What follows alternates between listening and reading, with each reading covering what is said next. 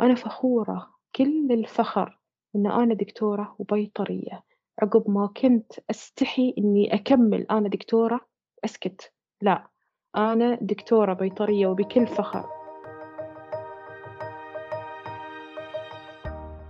مرحبا معكم دكتور محمد بوجبارة من بودكاست حوار بيطري. ارتباط الإنسان بالحيوان والعكس ارتباط وثيق وأزلي منذ بداية الخليقة. بدأ التعامل والتعايش. قد تتعدى العلاقة علاقة إنسان بحيوانه الأليف وتصل أن يكون الحيوان الأليف فرد من العائلة. للحديث بإسهاب عن هذا الموضوع معنا ضيفة هذه الحلقة وهي طبيبة بيطرية لامعة في رحاب الطب البيطري الخليجي وكاتبة أسبوعية في جريدة الخليج. كما تعتبر ضيفة الحلقة أحد الطبيبات الملهمات لكثير ممن يبحثون عن الإلهام. حياك الله معنا الدكتورة شيرين قزاز. أهلا وسهلا. أهلين دكتور محمد شلونك؟ يا مرحبا. مبارك عليك الشهر ونورتينا في هذه الأمسية. علينا وعليك إن شاء الله. الله يعافيك يا دكتورة. دكتورة شيرين عرفينا وعرف الجمهور عن نفسك أكثر.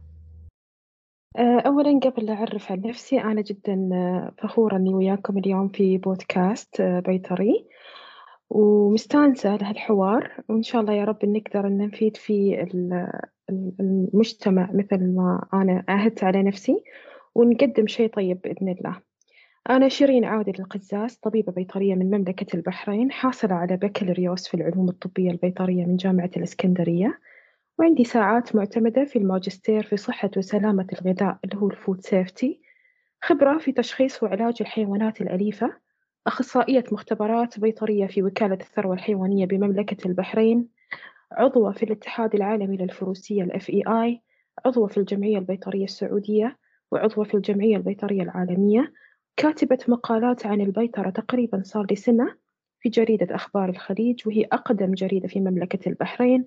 وأكتب مقالات في مختلف المواقع ومنها اللي يكون في repost direct من أخبار الخليج. وأكتب مقالات في الجمعية البيطرية السعودية وأشارك في بعض الأعمال التطوعية مثل تعزيز علاج أطفال التوحد بركوب الخيل وعلاج أو تقديم المساعدة للحيوانات المشردة.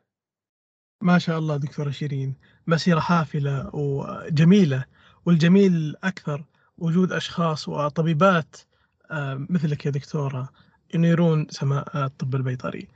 آه، ذكرت لي دكتورة أن آه، أخذت شهادة الباتشلر في الطب البيطري من جامعة الإسكندرية.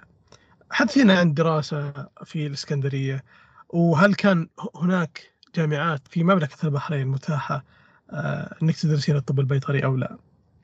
خليني الأول أقول لك شنو علاقتي مع أو بدايتي مع الطب البيطري. آه، علاقتنا كانت شوي غريبة. يعني كانت علاقة حب من طرف واحد. يعني كانت الطب البيطري يحبني أنا لا. وما كانت أبدا من رغباتي عشان تكون عارف.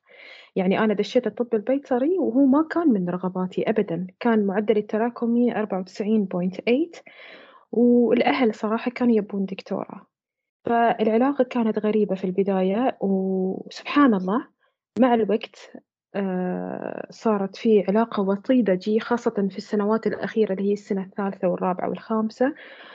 وكان السبب اللي ما مخليني حابة الدراسة في الأول هو للأسف آه، نظرة المجتمع والعالم للدكتور البيطري. وهاي آه، الشيء اللي خلاني حاليا أوعي الناس أكثر أكثر بأهمية هذه المهنة وأهمية الطب البيطري في المجتمع. جامعة الإسكندرية دراستها كانت باللغة الإنجليزية خمس سنوات دراسة. خليني أقول إن هي صعبة. يعني سنوات صعبة بس سنوات جميلة. فيها إنتاج فيها آه، إبداع خاصة في السنوات الأخيرة اللي كان فيها الشغل العملي اللي هو الجراحة الولادة. هاي الأقسام الثانية اللي أنت قاعد تشتغل فيها بيدك كانت جدا جدا ممتازة بالنسبة لي. ومع الوقت صرت أحس بالمسؤولية وأحب الدراسة والتعليم أكثر. وهم بعد حتى عقب ما تخرجت قلت إن أنا ما راح أتعامل direct مع الحيوان عشان جي خذيت الساعات المعتمدة في الماجستير مال ال food safety وفي الأخير مثل ما يقولون أنا أشاء وأنت تشاء والله يفعل ما يشاء في الأخير صارت أول علاقة كانت بيني وبين الحيوانات الأليفة ومن ثم الخيل ومؤخرًا بالمختبرات. الجامعات في البحرين للأسف ما في جامعة حق الطب البيطري فكنت يعني كان الخيار الأمثل وقتها إنه آه، أدرس في مصر في جامعة الإسكندرية. والحمد لله اختيار موفق في النهاية. اللهم لك الحمد. ما شاء الله تبارك الله. طبعا الكثير الكثير من الزملاء الأطباء البيطريين والطبيبات البيطريات يعني آه، زي ما يقولون هذه الحالة النمطية للطبيب البيطري في مجتمعنا. مثل ما تفضلتي دكتورة السبب يرجع لنظرة المجتمع. لكن برضو مؤخرا أو السنوات الأخيرة النظرة تغيرت خصوصا لما نتكلم عن المملكة العربية السعودية مع دخول السيدات لدراسة الطب البيطري. برضو الفكرة تغيرت أن التخصص ما هو هين والعلم ما هو بسيط ويندرج تحت العلوم الطبية. أيضا دخول السيدات كان لها عامل مهم في تغير نظرة الناس. الأطباء البيطريين اللامعين اللي جلسوا يشتغلون على سمعة الطبيب البيطري برضو كان لهم حصة كبيرة من تغيير نظرة المجتمع. ولله الحمد إن شاء الله هذه السنوات تكون أفضل من السنوات الجاية بالنسبة للطبيب البيطري. آه، دكتورة شيرين أنا ما بسأل عن تعلقك بالخيل لكن الخيل والحيوانات الأليفة آه، وانتهاء بالمختبرات حدثينا عن هذا المكس آه، والمحطات في حياتك المهنية إلى الآن؟ كل مجال وكل تخصص له نكهته ومميزاته الخاصة. بس علشان أكون صريحة معاك آه، أنا يعني طحت أو وقعت في غرام الخيل. آه، الحيوانات الأليفة كانت بدايتي معاها هي. وخليني أكون يعني يعني مثل ما يقولون يعني صريحة من البداية ما كان أبدا عندي خبرة في الحيوانات الأليفة. فكان بالنسبة لي إني أتعامل مع البيتس هاي عبارة عن يعني شيء غريب. يعني كان عندي شغف إني أتعلم شلون أقدر إني أشخص وأعالج. فك... فهذه كانت يعني منطقة جي كان فيها متعة التعلم. الخيل آه قبل الخيل اللاب هو التخصص يعني المختبرات هذا هو التخصص. الخيل غير يعني أنا ما أتعامل مع الخيل كطبيبة فقط لا في تواصل وفي اتصال بيني وبين الخيل والشغل في هالمجال جدا مريح بالنسبة لي وممتع مع أنه مجهد وأعرف أن أنا قلت الحين آه، تناقضين غريبين هو مريح ومجهد مريح للي يحب المهنة وهذه حط تحتها مليون خط إذا أنت حبيت الشيء اللي أنت قاعد تسويه والله لو اجهدت مليون مرة راح تتم تعطيه. وراح تتم تحس بمتعة العمل. فاكتسبت في المجال اللي هو مجال الخير خبرات كثير التعامل مع الخيل والخيول من الحيوانات الذكية اللي تشعر بمشاعرك اتجاهها. وإذا تمكنت منك فصعب إنك تتخلى عنها. هاي التخصصات كان الحيوانات الأليفة كان شغف التعلم. اللاب هو التخصص الرئيسي. لكن الخيل هذا الشيء الغرام يعني مختلف. يعني بالنسبة لي أنا أحب الخيل. أحبه قبل لا أكون دكتورة أو طبيبة بيطرية. طبعا ما شاء الله. ما تلامين يا دكتورة شيرين. حب الخيل. أتوقع أن صفة تجمعنا كلنا أو الأغلب في آه، طب الخيول مثل ما تفضلت من الحيوانات الذكية واللي التعامل معها آه، جميل. ولما نتكلم عنها حيوانات ذكية آه، أحيانا تساعد تسلم نفسها للطبيب آه، خصوصا لما ترتاح مثل ما تفضلتي دكتورة. صحيح كلامك صح وهو فعلا الشغل مع الخيل فيه جهد بدني غير طبيعي وجهد عضلي. فإذا أنت تحب المهنة اللي قاعد تسويها أو تحب الحرفة أو تحب الشيء اللي قاعد تسويه أيا كان شنو؟ هو صدقني راح تبدع فيه. بالفعل وبلا أدنى شك هالكلام صحيح ويعطي دافع الواحد أنه يتطور أكثر خصوصا لما نتكلم عن الموضوع الشخص يحب العمل اللي جالس يمارسه. طيب دكتورة حياتك بين الفيلد واللاب آه، إيش اللي وقعتي بحبه أكثر؟ وإيش اثارهم على دكتور شيرين القزاز اليوم؟ يعني بقول لك على شغلة طيب تعرف أنت الحين قاعد تخيرني بين شيئين أنا أحبهم فمو عارفة من فيهم أختار. ال field آه بالنسبة لي هو يعني متعة العمل متعة العمل أو شغف العمل.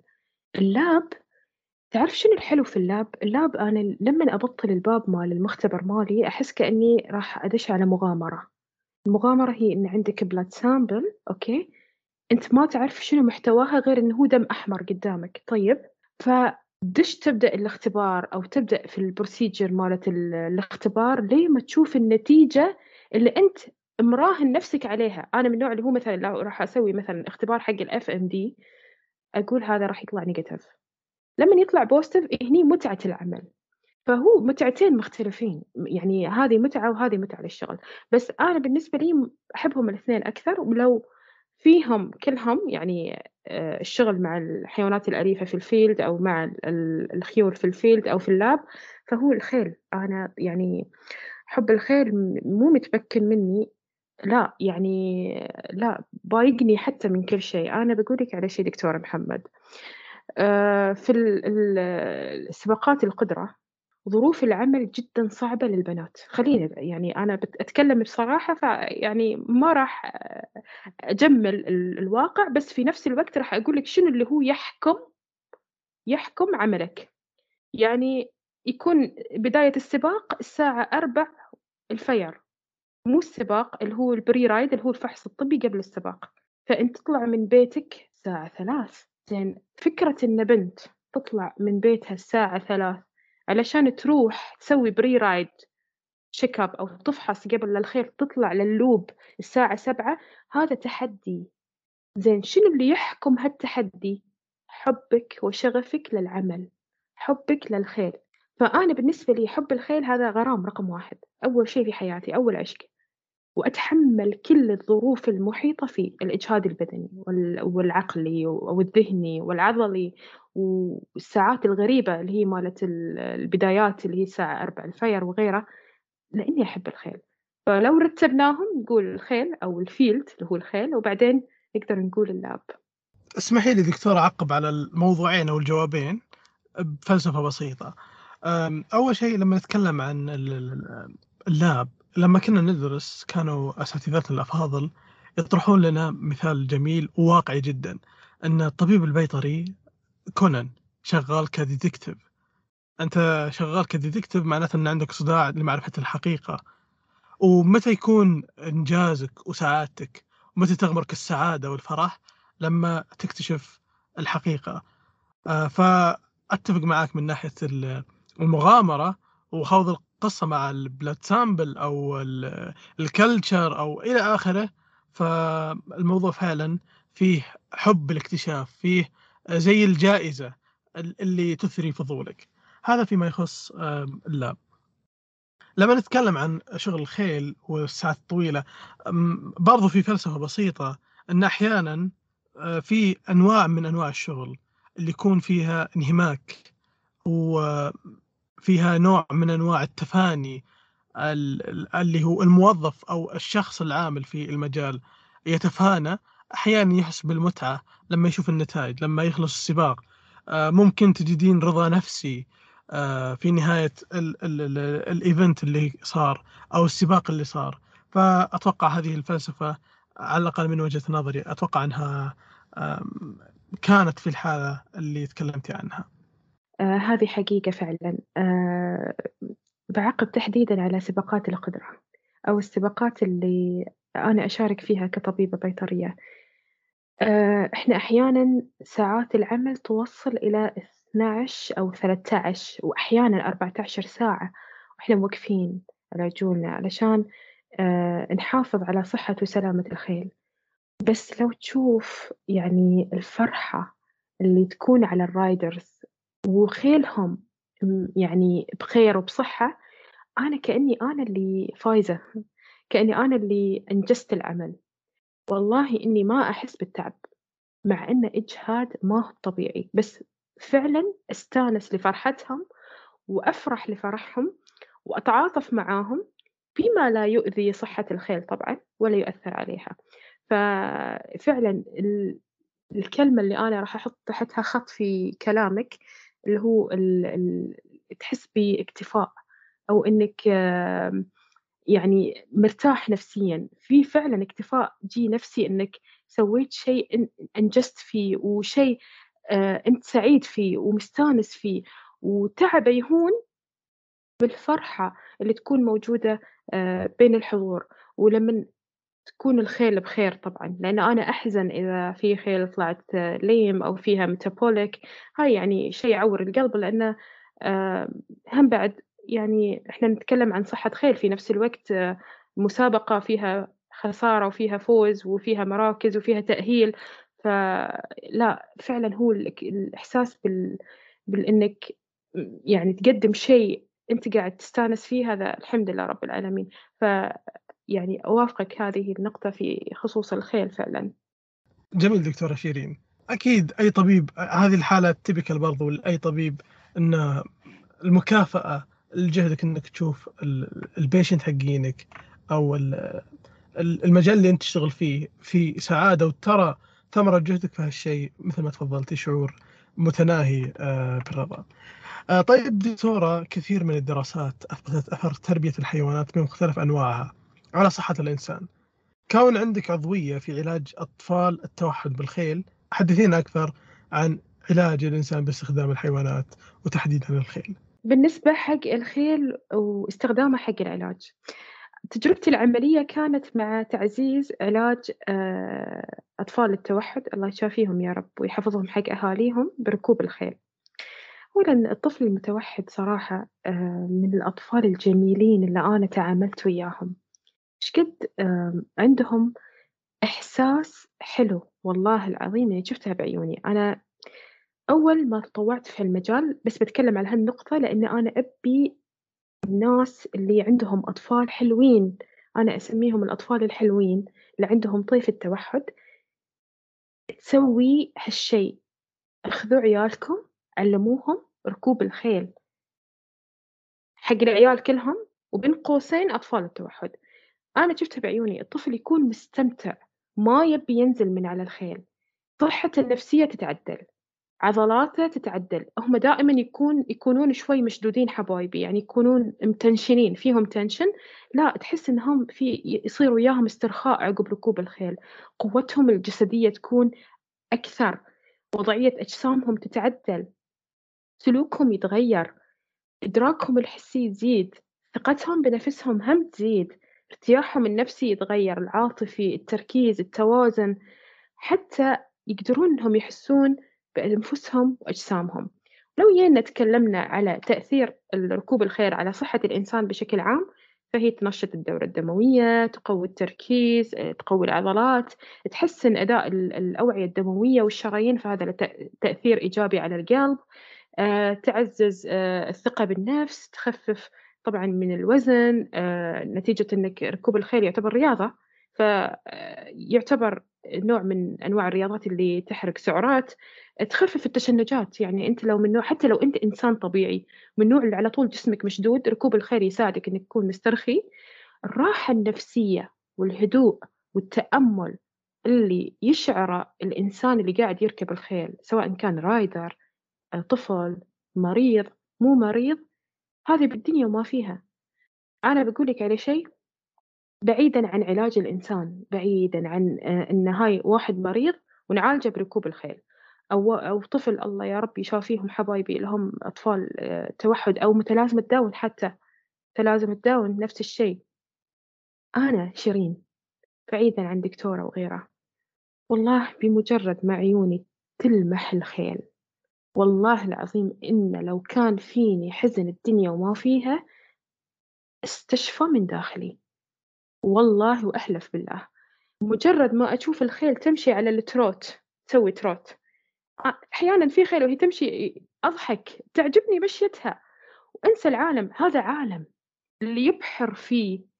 راح يشفى نفسيا جسديا معنويا سواء كان إنسان مريض إنسان سليم. طفل توحد متلازمة داون في ما في فوايد الخيل مو بس تقتصر على علاج أو تعزيز علاج صحة نفسية. صحة نفسية وتحتها مليون ألف خط بالفعل دكتورة شيرين يعني لما أتكلم كيف أن أنا أفكر أني أنا ممكن أستخدم حيوان لعلاج الأطفال مصابين بالتوحد أو متلازمة داون مثل ما تفضلتي فكرة جميلة خصوصا لما نتكلم أن في الغرب يستخدمون الحيوانات الأليفة ال cat and dogs في هذه الأمور. فجميل بحكم أن حنا آه، الخيل متوفر عندنا خلينا نقول بمختلف السلالات بمختلف الألوان والأشكال والأحجام فالموضوع جميل وفعلا يستحق التطرق له. كلامك صحيح 100% دكتور محمد. وهم أنا من خلال هذا البودكاست أبي أدعو كل الاسطبلات اللي موجودة عندنا في الخليج إنهم يخصصون جهة عندهم أو يعني آه يعني فقرة من فقراتهم. وما أقدر أقول غير كذا إنها تكون حق تعزيز العلاج. وما راح أحدد أي علاج بشكل عام بركوب الخيل. إحنا عندنا هني في البحرين الاتحاد الملكي للفروسية آه، عندهم آه، هال يعني هالموضوع وما شاء الله ملتزمين فيه ومحققين فيه آه، يعني إنجازات عظيمة ويسوون تدريب بشكل مستمر يعني مرتين في الأسبوع تقريبا وفي إقبال عليه بشكل ممتع وممتاز من قبل الأهالي. فأنا أبي أن نوصل هالفكرة لكل الأسر إن الخيل صدق يعني مو بس حق ولدي إذا كان مريض أو عنده متلازمة داون أو عنده توحد لا تعال روحي أنت وولدك أو الأب وولده روح اركب معاه خيل. يعني هذه رياضة من الرياضات اللي حثنا عليها الرسول الكريم ويعني مهمة حتى يعني مهمة في حياتنا إحنا كعرب وكمسلمين. ف يعني أتمنى إن شاء الله إن يكون عليها concern ويكون عليها focusing ويكون عليها يعني تركيز أكثر في الفترة القادمة إن شاء الله. إن شاء الله دكتورة شيرين.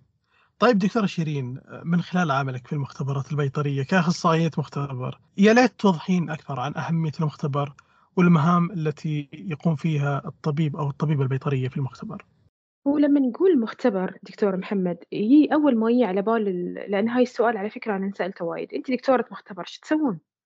يعني أنا أعرف إن المختبر البشري يأخذون عينة دم عشان يشوف الهيموجلوبين وظايف الكبد وظايف الكلى أنت شو تسوون؟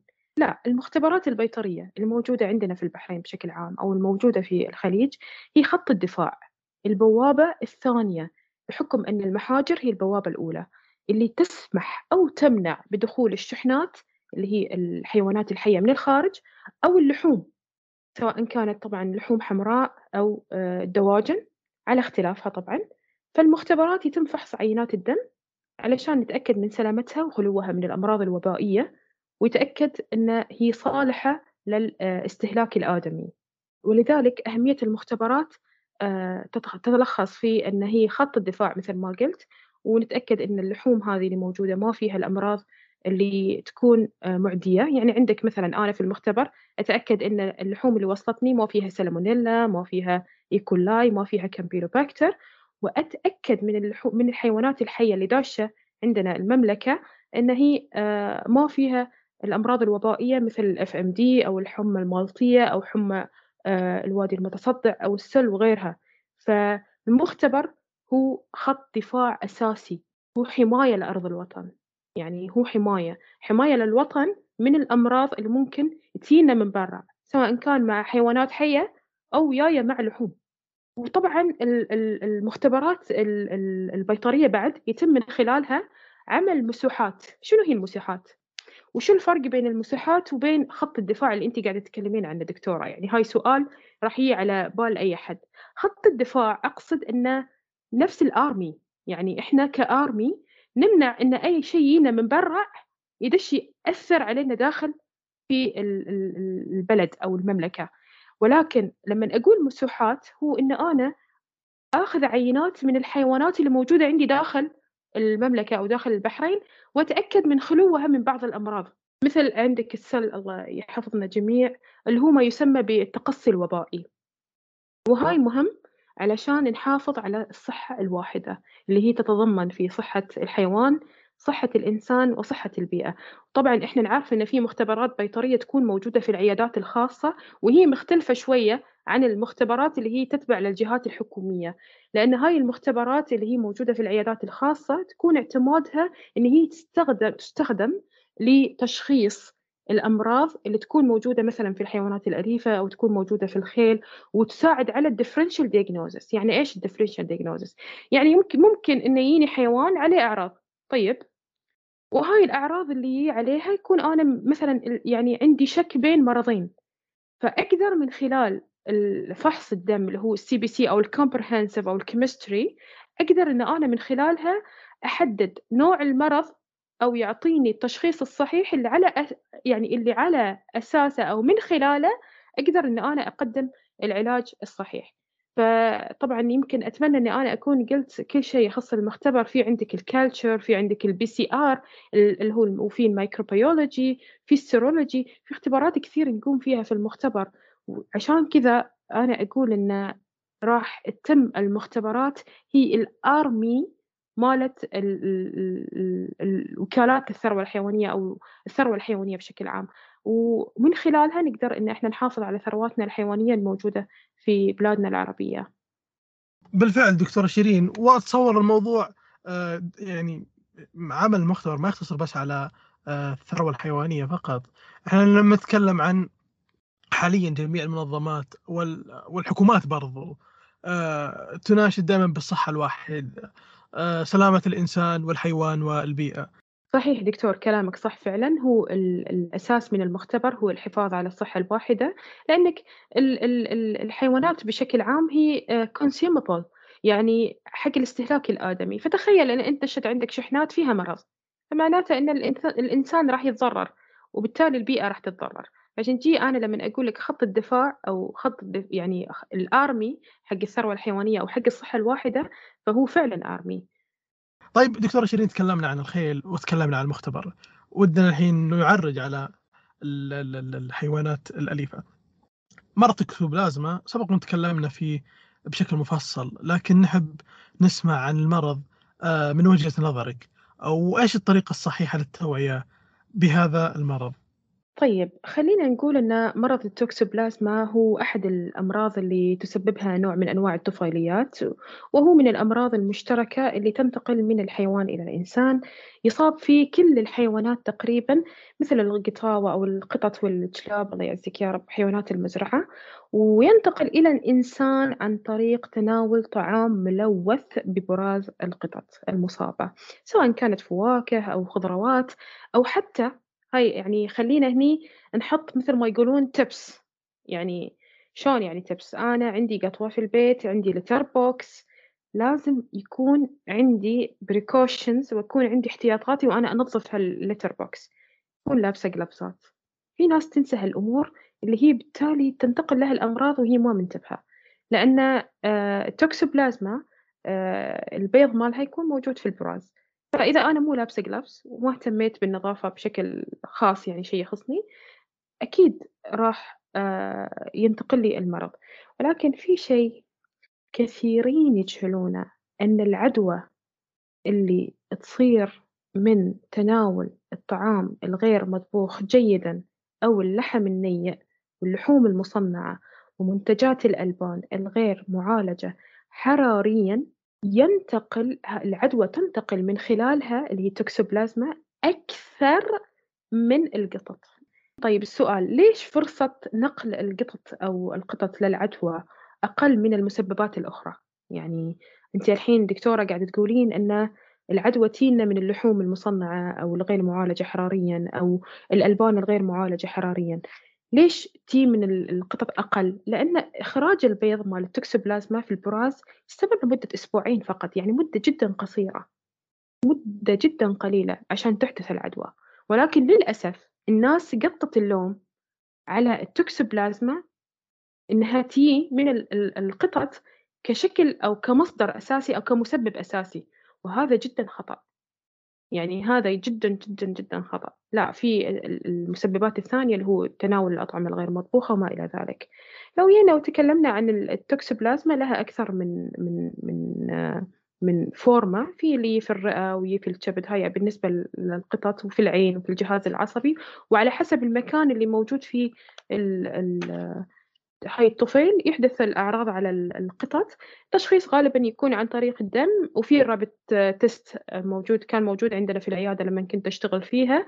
ولكن ما ينصح إن إحنا نستخدم البراز حق التشخيص لأن الطفيل مال التكسوبلازما يبين في البراز ك يعني يصير نفس يتشابه مع طفيلات ثانية. فما ينصح فيه أبدا. طبعا العلاج تكون مضادات حيوية لمدة أسبوعين ما في لقاحات حق هاي الشيء ولكن نقدر إن إحنا نسوي وقاية إحنا ما نعطي القطط اللحوم الغير مس... النية أو هي الغير مطهية ون...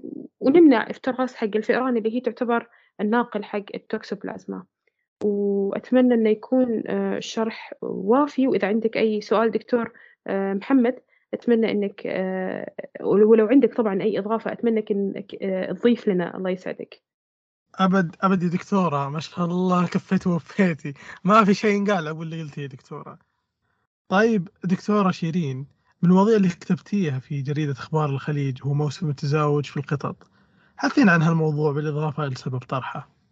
المقالة هذه كانت من المقالات اللي يعني سبب طرحها كان الأسئلة اللي وردتني عن طريق البريد الإلكتروني في بداية موسم التزاوج. وأعطتني هنت أو فكرة إن أنا أكتب عن هالموضوع على كثرة واختلاف الأسئلة اللي وصلتني.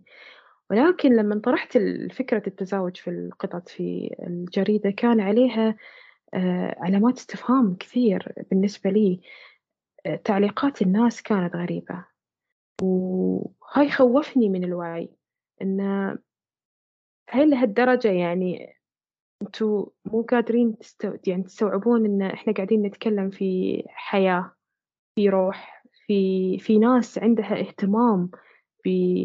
بتربية القطط يعني أنا كنت مثلا في هذه المقالة كنت أكلم المربي من هو المربي؟ المربي اللي هو عنده هوس مثلا تربية القطط ولكن هو محكوم بعدد معين. يعني خليني أعطيك مثال. أنا مثلا عندي آآ آآ يعني قطط من الجنسين ذكر والأنثى. وميزانيتي أنا كشيرين لا تسمح بأكثر من أربع أو خمس قطط في البيت. لو أنا ما عندي فكرة عن موضوع البلوغ عمر البلوغ وما عندي فكرة عن موضوع متى التزاوج يصير وما عندي عن فكرة عن موضوع شنو هي علامات التزاوج.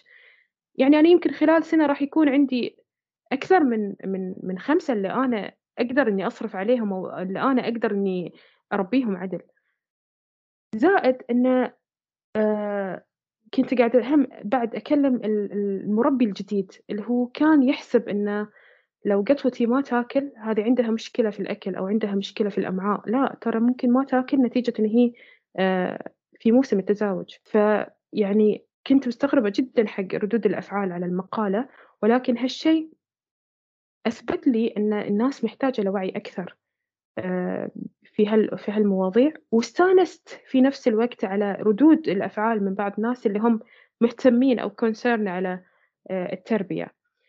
كنت تكلمت في هالموضوع عن عمر النضوج أو عمر البلوغ والعلامات اللي هي أو لطلب التزاوج في الذكر والأنثى وهالشيء وايد مهم وايد مهم حق المربين. ونفس ما قلت لك المربين الجدد.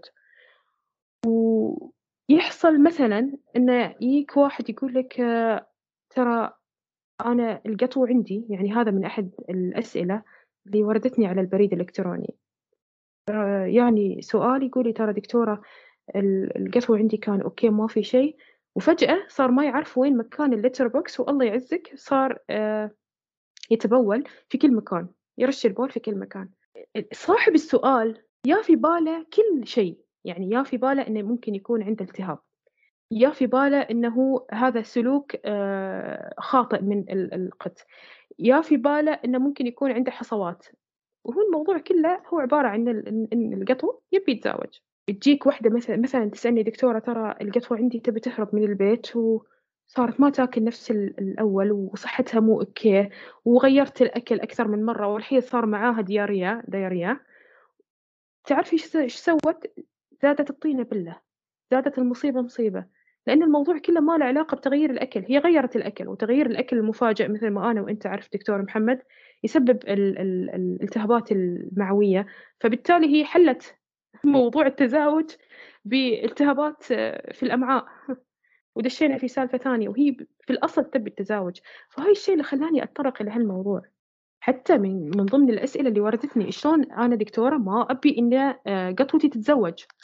لأن ميزانيتي ما تسمح حق أكثر من قطو واحد. شلون أقدر إني أهدي القطو مالي وقت التزاوج؟ عشان جي أنا تطرقت لهالموضوع الأسئلة اللي كانت تجيني متفردة خلتني أسوي مقالة تخدم الجميع. السؤال دكتور اللي بعد هم وردني أو جاني وخوفني يعني خوفني على إنه يعني إحنا هاي اللي كنت أنا قاعدة أتكلم عنه في الأسئلة اللي جاتني هاي أسئلة عادية لها حل. لكن في سؤال صار في curve يعني raise up يعني خوفني بمعنى كلمة خوفني. جاتني واحدة قالت لي دكتورة ترى القطة مالتي عمرها سبع سنوات. قلت لها أوكي طلبت التزاوج. قلت لها تمام. وبالفعل زوجناها. طيب قالت لي ولاحظت عقبها أن في سوائل تكون موجودة في أرضية المنزل. قالت لي أنا ما عرفت شنو مصدر هالسوائل هل هو الله يعزك يا رب تبول ولا هل هو زوع ولا إيش؟ ما قدرت إني أسوي differentiation أو differentiate حق هذا النوع من السوائل الموجودة. قالت لي تجاهلت الأمر ولاحظت إن هي قاعدة تفقد شهيتها هاي هاي ال cat. وبدت إن هي يصير عندها انتفاخات في البطن. وقالت لي أنا هي كمربية شخصت إن القطوة حامل يعني هي هدت الأعراض هدت العلامات اللي قاعدة تصير مع القطوة. وهي قالت إن القطوة حامل لأنه already صار التزاوج. قلت لها okay. قالت لي دكتورة وبعدين خذيتها حق الدكتور البيطري سوالها سونار وأشعة شخص وسوى الفحص إلا حصل إن القطوة مو بحامل بل عندها سوائل داخل الرحم اللي هي اسمها البايومترا. ومن سوء الحظ أن كان الرحم عنق الرحم مسكر. فتجمعت السوائل مما كبر أو سوى الانتفاخ اللي موجود في البطن وبالتالي أعطى إيحاء حق المربية أن القطوة حامل. طيب أنا سألتها سؤال واحد. قلت لها هاي القطوة اللي عندك صار لها سبع سنوات. تزاوجت من قبل؟ قالت لي لا. تشخيص مال الطبيب البيطري كان بايومترا التهابات الرحم. فأنت متخيل أنها يعني موضوع بهالأهمية اللي كان عليه ردود أفعال شوي كانت غريبة. ممكن إنه ينهي حياة قطوة نتيجة عدم وعي من المربي وعدم وعي من الناس. إذا أنت عندك قطو أو قطوة في مرحلة التزاوج وأنت مو قادر إنك تزوج فإحنا نلجأ إلى عمليات التعقيم والإخصاء. لأن by the way القطوة هذه اللي هي الحالة الأخيرة اللي أنا كلمتك عنها سووا لها عملية التعقيم. طيب ليش أنا أحط قطوتي أنا في هاي ال risk؟ أنت عارف دكتور إن من أحد ال complications مالت ال pyometra هي ال secondary bacterial infection ثم الوفاة إذا أنا قاعدة ألعب بروح فوجب إن أنا أتكلم عن هالموضوع. اللي من خلاله أنا قاعدة أحط المربي قدام خيارين.